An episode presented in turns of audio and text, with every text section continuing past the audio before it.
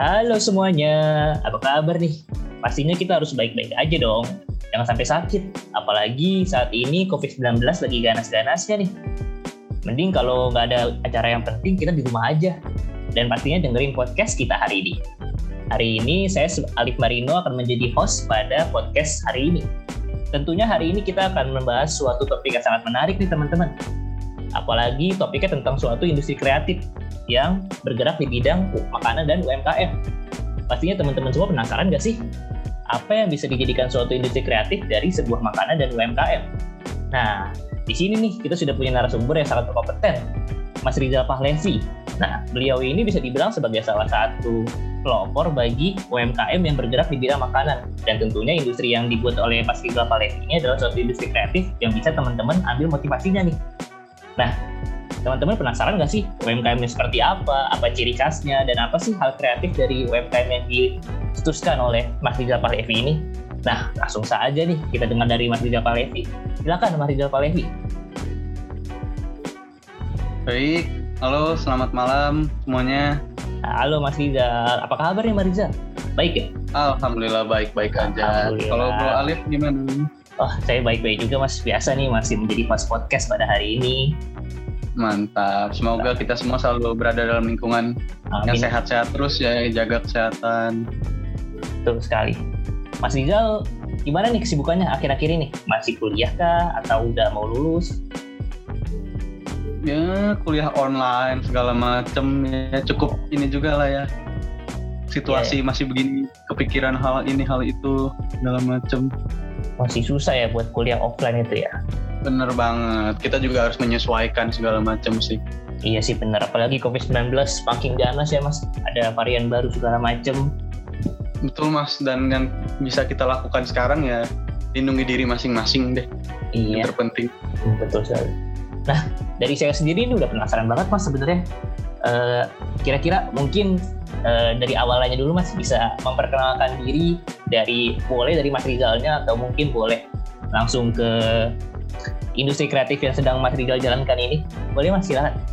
Baik, pertama-tama izinkan saya untuk memperkenalkan diri terlebih dahulu. Nama saya Muhammad Rizal Palevi, usia 20 tahun, dan kesibukan saya belakangan ini adalah berkuliah di Universitas Pembangunan Nasional Veteran Jakarta, jurusan Ilmu Komunikasi. Nah, jadi tujuan saya hadir dalam podcast malam hari ini adalah untuk menjelaskan tentang konsep dari perusahaan atau UMKM yang sedang kami rintis yang bernama program Pinggir Raya dengan membawa tagline kesederhanaan yang mewah. Oh. Jadi seperti itu yang bisa saya perkenalkan terlebih dahulu. Oh, wah namanya udah unik banget nih mas Pinggir Raya. Kira-kira yes. UMKM ini kalau boleh tahu tuh kenapa sih? Maksudnya latar belakangnya? Apakah emang dari Mas Rizal sendiri tertarik untuk membahas tentang makanan-makanan di Indonesia kah? Atau emang khusus makanan-makanan yang agak keluar negeri-negerian atau gimana tuh? Kayak menarik banget soal. Oke, jadi sejatinya saya memang pecinta kuliner Indonesia. Jadi itu latar belakang utamanya ya. Dan kenapa kita ngambil konsep itu kesederhanaan? Karena dengan konsep ini tuh kita pengen semua orang tuh bisa menikmati ini gitu loh. Dan tadi pertanyaannya soal latar belakang sendiri ya. Jadi program ini dimanfaatkan khusus bagi daerah-daerah yang dilewati oleh tol. Jadi maksud dari pinggir raya itu kami akan memiliki restoran dengan konsep di pinggir-pinggir jalan gitu, di pinggir tol. Karena bisa Mas Alif bayangkan ada berapa tol yang ada di Indonesia? Ada berapa daerah yang dilewati oleh jalan tol? Yaitu bisa dihitung-hitung sekitar ratusan kilometer bukan? Nah, jadi lewat program ini tuh saya kepikiran untuk ngebuat sebuah ide yang out of the box istilahnya yaitu seperti program ini tuh saya rancang untuk mengembangkan potensi kuliner daerah yang sudah ada agar keberadaan infrastruktur jalan tol itu tidak nggak cuma mengganggu daerah sana doang gitu soalnya kan kalau kita tahu daerah jalan tol tuh identik dengan penggusuran segala macam nah bagaimana caranya untuk kita tetap mewadahi kerajinan-kerajinan dari warga setempat dan saya kepikiran salah satu cara agar warga tersebut warga-warga tersebut yang terdampak oleh jalan tol ini dapat berkontribusi positif terhadap masyarakat yang lainnya adalah dengan cara menggandeng mereka untuk bekerja sama dalam program pinggir raya ini. Oh, oke oke. Oh, menarik banget nih. Berarti tujuannya kurang lebih untuk membantu orang-orang yang ada di pinggir jalan tol agar bisa mengembangkan UMKM mereka sendiri ya. Yes, jadi karena hal itu hal kita berlandaskan dari hal itu akhirnya kita kepikiran gimana caranya supaya bisa orang-orang itu bisa menghidupi keluarganya khususnya dan juga bermanfaat juga bagi orang lain. Dan hal yang paling saya mau garis bawahi di konsep ini adalah di tiap jalan tol itu memiliki konsep kuliner yang berbeda-beda. Jadi misal Mas Alif pengen ke daerah Jawa Timur, misalnya ke Surabaya. Mas Alif sepanjang jalan tol akan bertemu dengan pinggir konsep dengan konsep yang mirip-mirip ke arah, ke arah Jawa Timuran. Begitu pula apabila Mas Alif ingin pergi ke daerah Jawa Barat dan sebagainya. Mas Alif akan menemukan restoran pinggir raya yang berkonsep ke Jawa Baratan gitu. Jadi hal itu tuh yang mendasari kita kayak ih kayaknya keren ya kalau kita punya restoran dengan konsep yang masing-masing tol tuh punya konsep masing-masing keunikan masing-masing gitu.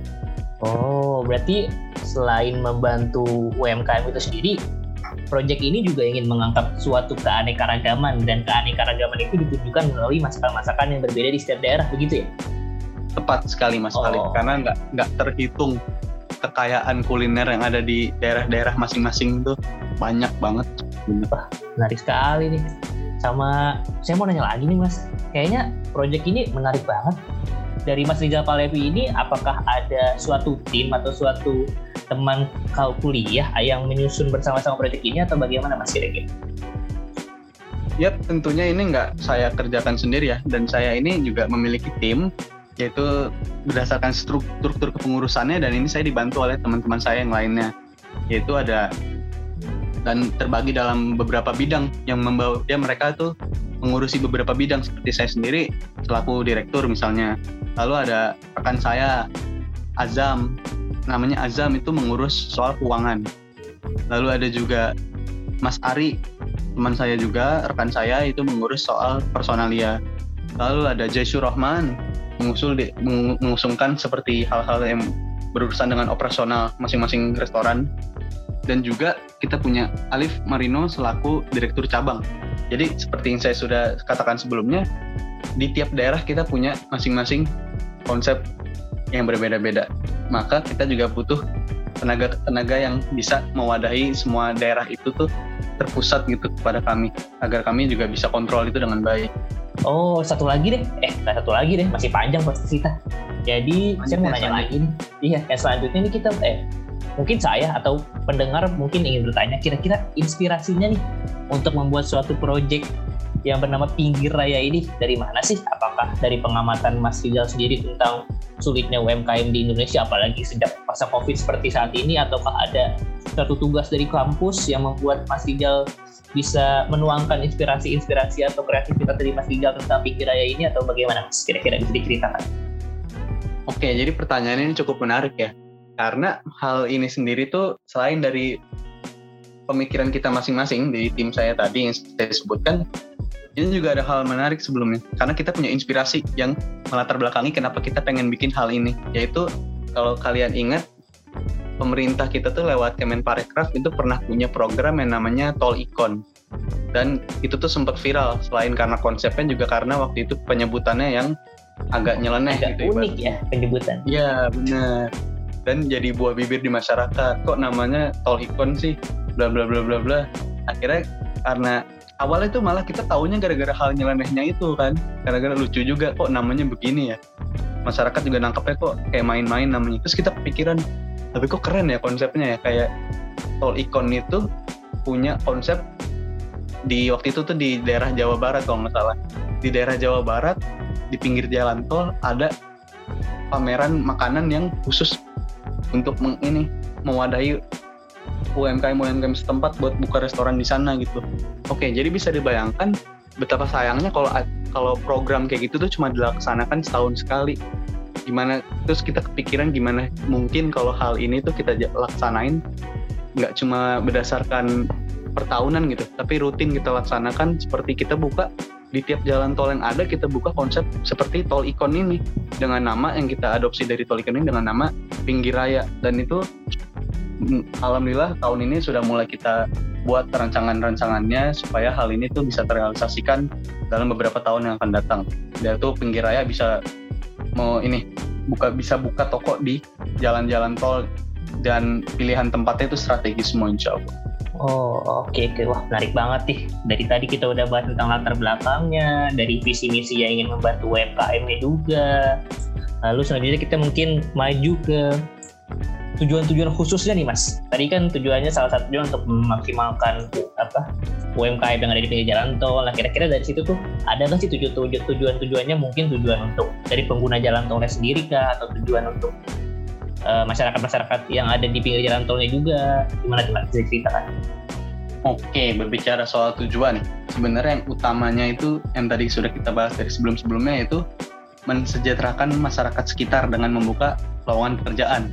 Karena ini bermanfaat banget. Bayangin berapa banyak tenaga kerja yang bisa kita serap dari program pinggir raya ini. Lalu yang selanjutnya adalah merangkul UMKM yang usahanya terganggu dari pembangunan tol ini karena ini di ugly truth-nya ya dalam setiap pembangunan tol itu harus ada yang rela tanahnya digusur segala macam dan kita kepikiran pasti mereka terdampak.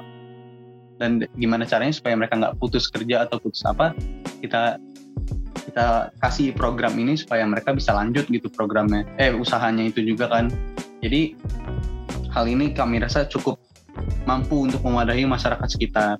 Lalu hal lainnya yang menjadi tujuan kami adalah memaksimalkan potensi kuliner daerah dan juga mempertahankan eksistensi makanan lokal di tengah merebaknya franchise fast food. Mas Alif juga pasti ngalamin juga tiap di rest area lewat jalan tol, berhenti rest area, tapi itu lanjut lagi ketemu rest area lagi ketemunya makanan apa? Fast food fast food lagi kan? Dan itu juga makanan-makanan luar kan?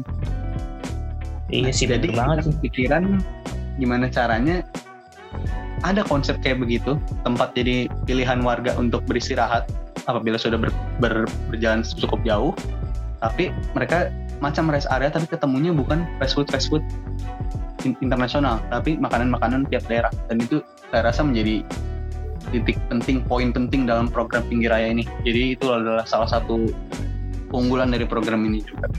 Hmm, oh gitu ya. Berarti emang tujuannya itu intinya untuk kesejahteraan para orang-orang yang bergerak di bidang UMKM atau orang-orang yang tergusur bagi pembangunan jalan tol itu sendiri ya, Mas? Betul sekali. Betul oh sekali. gitu. Lalu saya ada pertanyaan menarik nih, Mas Rizal kan masih menjadi seorang mahasiswa. Nah, untuk mencetuskan proposal atau bisa dibilang suatu perencanaan dari proyek yang bisa dibilang sangat besar ini ada nggak sih kayak gangguan-gangguannya atau kelemahan atau suatu ancaman dari luar kepada proyek-proyek ini kira-kira mas? Oke, jadi soal ancaman dan tantangan ya, kami menyadari persis kalau program kami ini akan memiliki banyak tantangan. Karena bisa dibilang program ini adalah mega project ya, karena ini besar banget. Jadi kalau berbicara soal tantangan dan hambatan tuh yang pasti soal ini sih. Kita belum memikirkan kalau program pinggir raya ini tuh bisa nggak sih nampung pengunjung yang banyak gitu loh. Jadi kita kan belum ada gambaran nih kayak masyarakat tuh nerima kita dengan baik nggak sih?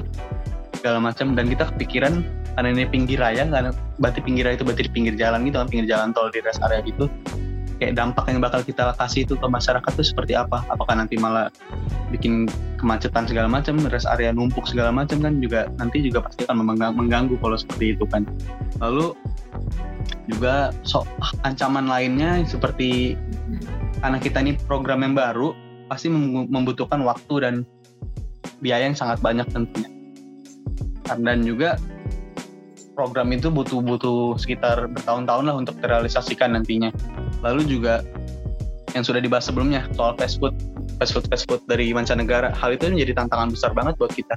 Soalnya masyarakat sudah tujuan utamanya kalau ketemu rest area pasti nyarinya makanan-makanan fast food gitu dong.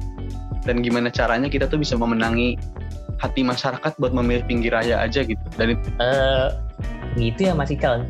Tapi saya mau nanya lagi nih, kira-kira apa sih yang bisa ditawarkan nih sama pinggir raya kalau dibanding sama fast food misalnya kayak pinggir raya ini menawarkan tempat yang lebih proper atau pinggir raya ini menawarkan suatu uh, terobosan-terobosan baru yang dibandingkan dengan fast food. Kira-kira ada nggak sih mas mungkin satu atau dua terobosan-terobosan yang bisa membedakan dari fast food agar orang-orang tuh bisa memilih pinggir raya sebagai makanan pertama saat mereka mengunjungi jalan tol? Oke, yang da dari pertanyaan tadi itu bisa saya jawab seperti ini. Daya tarik utama kita itu di setiap pinggir raya menawarkan konsep makanan yang berbeda-beda. Jadi menurut saya itu sudah cukup wow enough ya, sudah sudah cukup menarik perhatian masyarakat.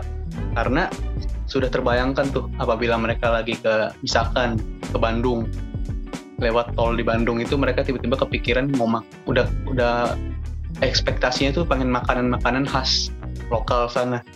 Dan kami menawarkan di pinggir raya yang di area Jawa Barat sana menawarkan makanan yang khas daerah sana. Dan itu menjadi poin penting banget. Lalu juga contoh lagi jalan ke Sumedang. Dan kepikir ekspektasinya pengen nyobain kuliner-kuliner area Sumedang.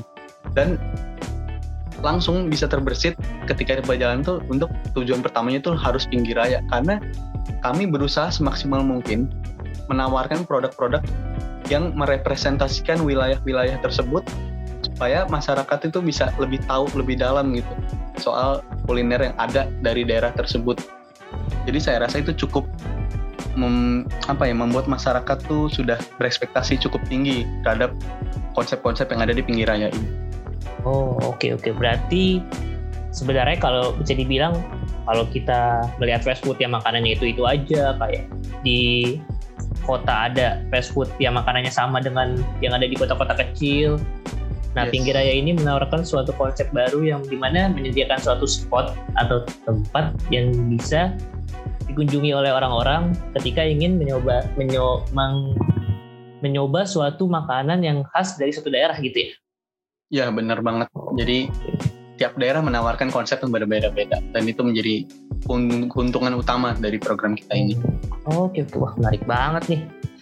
Uh, selanjutnya nih, kira-kira dari pinggir raya ini apa sih uh, yang pinggir raya ingin? Taruh, taruh dulu. Uh, selanjutnya nih uh, dari pinggir raya ini sendiri ada nggak sih eh, target-target dari konsumen yang diinginkan oleh pinggir raya? Misalnya dari segi umur atau dari segi pekerjaan mungkin yang ingin digapai oleh pinggir raya ini sendiri? Oke, kalau dari target-target sendiri nih, kalau dari kami sendiri tuh menargetkan masyarakat pengguna jalan tol. Dari berbagai macam kelas pendapatan mulai dari bawah hingga ke atas karena menurut kami dengan banyak banyaknya pengguna jalan tol itu sudah menjadi keuntungan bagi kami juga karena kami sadar pengguna jalan tol itu sangat-sangat banyak dan kami bisa mencuri perhatian mereka lah ibaratnya dengan tagline kesederhanaan yang mewah ini. Oh gitu. Ya. Lalu juga kalau dari target kan jelas pengguna jalan tol. Kalau dari usia juga misalkan anak-anak muda 20 tahun hingga usia 50 tahun itu yang masih prima kondisinya untuk menggunakan jalan tol ini. Jadi hal ini tuh juga bisa menjadi daya tarik gitu. Anak-anak muda juga jangan sampai taunya cuma fast food mancanegara doang, tapi mereka juga harus tahu juga soal kuliner-kuliner khas daerah yang sedang mereka ini mereka tuju, daerah wisata yang mereka tuju gitu. Lalu juga karena program ini kami ini soal kesederhanaan ya. Pinggir raya ini soal kesederhanaan. Jadi penghasilan tuh nggak perlu yang tinggi-tinggi banget. Karena tadi sudah kami bilang masyarakat kelas bawah hingga kelas atas tuh bisa menikmati makanan-makanan yang ada di pinggir raya ini. Jadi kalian nggak perlu khawatir. Kalau mau datang ke pinggir raya tuh mikir ah nanti kemahalan segala macam mending ini ini ini. Jadi hal ini nih kami jamin produk yang ada di pinggir raya ini sangat-sangat terjangkau harganya Oh gitu ya. Kalau dari segi analisanya nih mas, dari segi regulasi deh dari pinggir raya ini, pinggir raya ini mengambil suatu keuntungannya dari mana sih mas? Dari regulasinya itu sendiri? Apakah dari pajak kah, ataukah dari bantuan pemerintah? Gimana tuh mas kira-kira? Oke, jadi kalau dari regulasi ya, kami itu dari regulasi menerapkan sistem perpajakan yang disesuaikan dengan luas area UMKM-nya. Jadi di masing-masing tempat itu kami sesuaikan. Nah, kestrategisan lokasi itu juga akan menentukan profit UMKM yang ada di masing-masing pinggir raya itu. Jadi kami menyediakan opsi untuk memiliki lokasi bisnis dengan syarat tertentu. Jadi kami dengan banyaknya opsi buka pinggir raya ini di mana-mana aja, kami itu menawarkan gitu, menawarkan area-area yang ada itu untuk UMKM UMKM setempat untuk berkembang juga. Jadi ibarat kita berkembang bersama-sama lah, saling-saling menguntungkan segala macam dan itu menjadi soal kalau menjawab soal regulasi mungkin seperti itu jawabannya. Oh, berarti jatuhnya sih tidak terlalu merepotkan bagi UMKM sendiri juga ya. Seperti tujuannya yang tadi ingin menyejahterakan UMKM itu sendiri. Yes, kami nggak mau menyusahkan UMKM dan juga UMKM bisa dengan mudah mengurus soal tempat lokasi mereka akan buka ini sangat-sangat mudah karena kita sangat kooperatif dan sangat membutuhkan mereka sebenarnya. Oh, oke oke wah menarik banget nih.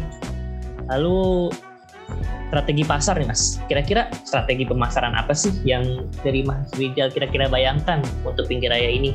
Apakah menggunakan suatu iklan kah? Ataukah dari mulut ke mulut saja? Atau apa sih mas kira-kira yang Mas Rijal bayangkan untuk strategi pemasaran dari pinggir raya ini sendiri? Oke, kalau dari soal segi pemasaran ini ya, strategi pemasaran tentunya karena kita adanya di jalan tol, tentunya kita harus memanfaatkan soal fasilitas banner di pinggir tol atau iklan berbayar lewat internet. Dan kami rasa dua hal ini adalah yang paling harus kita utamakan.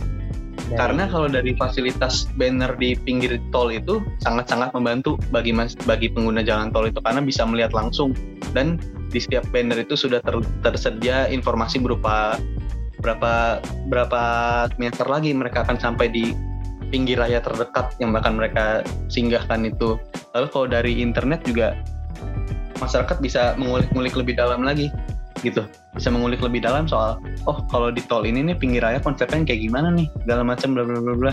Kalau lewat tol ini pinggir rayanya konsepnya yang apa nih? Jadi dari fasilitas media sosial itu kita juga bisa memanfaatkan untuk branding pinggir raya ini sendiri. Lalu yang selanjutnya strategi yang selanjutnya adalah kemasaran transaksional promosi berupa promosi-promosinya berupa diskon, kupon belanja dan sebagainya. Dan juga hal ini kami rasa akan sangat membantu kami untuk menarik minat masyarakat ya.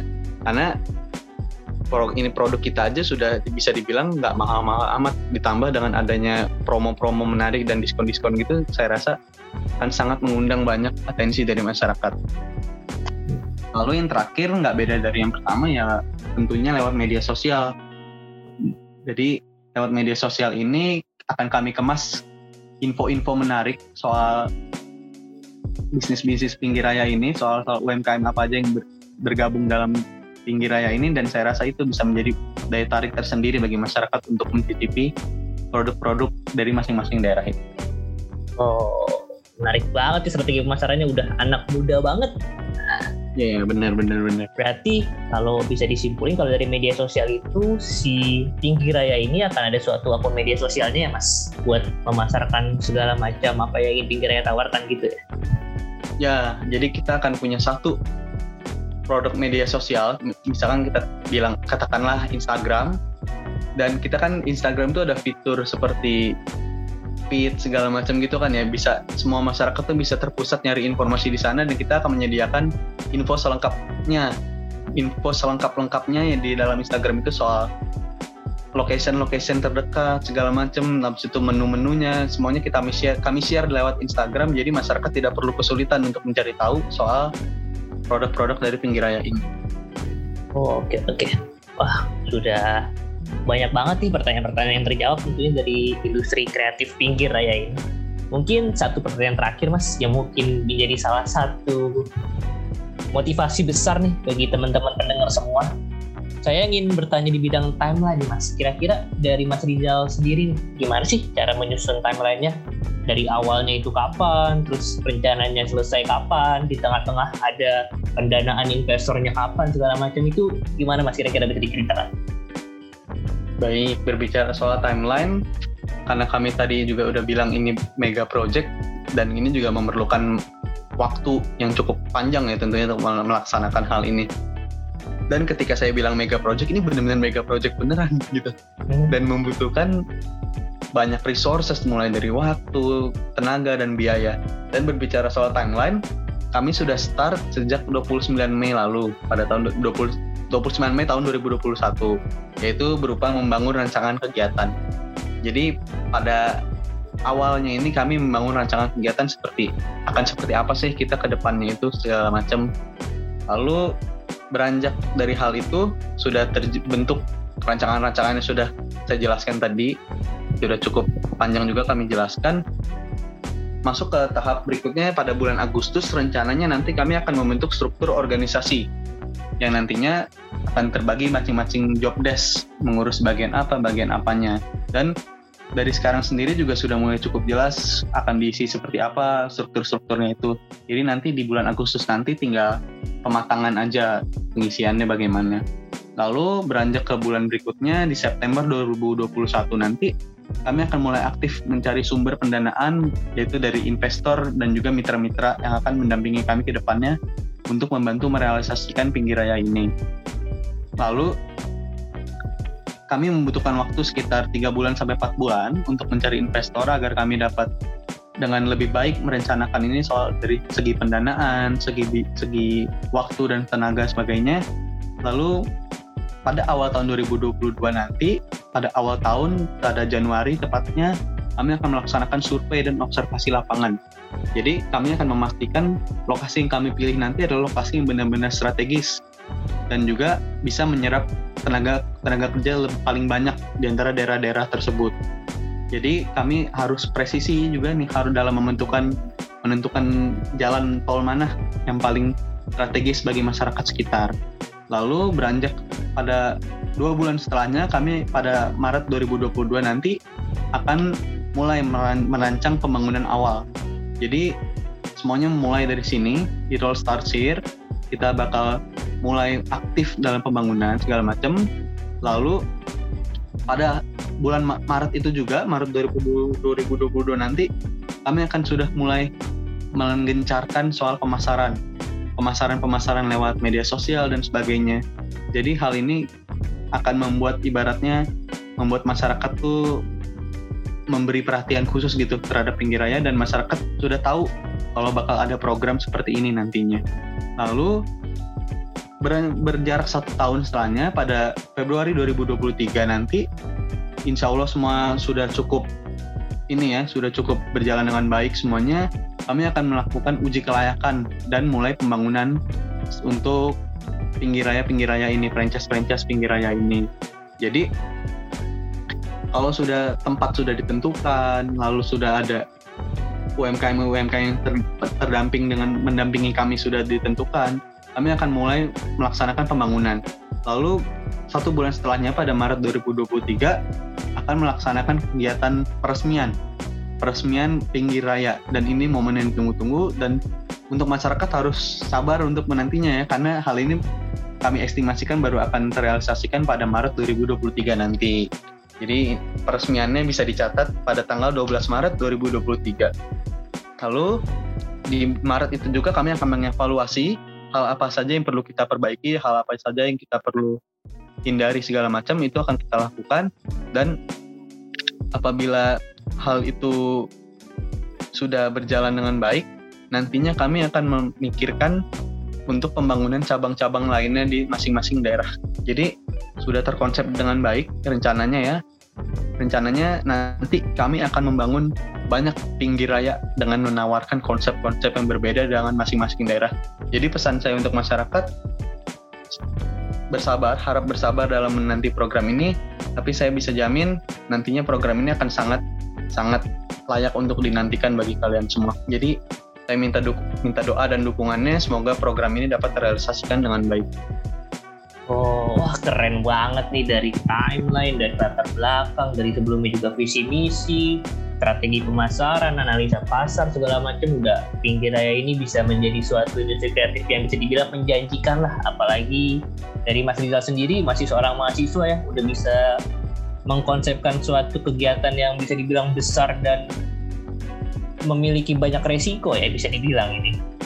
Benar. Nah, sepertinya podcast hari ini cukup di sini. Terima kasih banget nih Mas Rizal udah menjadi pembicara kita pada hari ini apalagi membahas topik yang menarik kan. Oh, sayang terima kasih sudah diundang ke sini bisa menyampaikan hal ini. Terima kasih banyak Mas Alif. Iya, sama-sama Mas Rizal. Saya juga terima kasih nih udah diberikan suatu inspirasi-inspirasi dan motivasi yang bagus banget nih dari Mas Rizal selaku mahasiswa UPNPJ yang membangun satu proyek yang cukup besar banget nih. Nah, buat teman-teman semuanya, sebagai pendengar podcast setia ini bisa di ambil sisi positif dari pembicaraan kami malam ini apalagi dari banyak banget nih dari motivasi Mas Ical tentang timeline segala macam yang telah dibahas tadi. Dan jika ada salah-salah kata atau negativitas dari pembicaraan yang telah kami uh, bicarakan di podcast ini mohon maaf sebesar-besarnya. Semoga pendengar-pendengar semua bisa mengambil manfaat dari podcast hari ini. Terima kasih pendengar semuanya. Saya Alif Marino sebagai host pamit undur diri. Kita bertemu lagi di podcast selanjutnya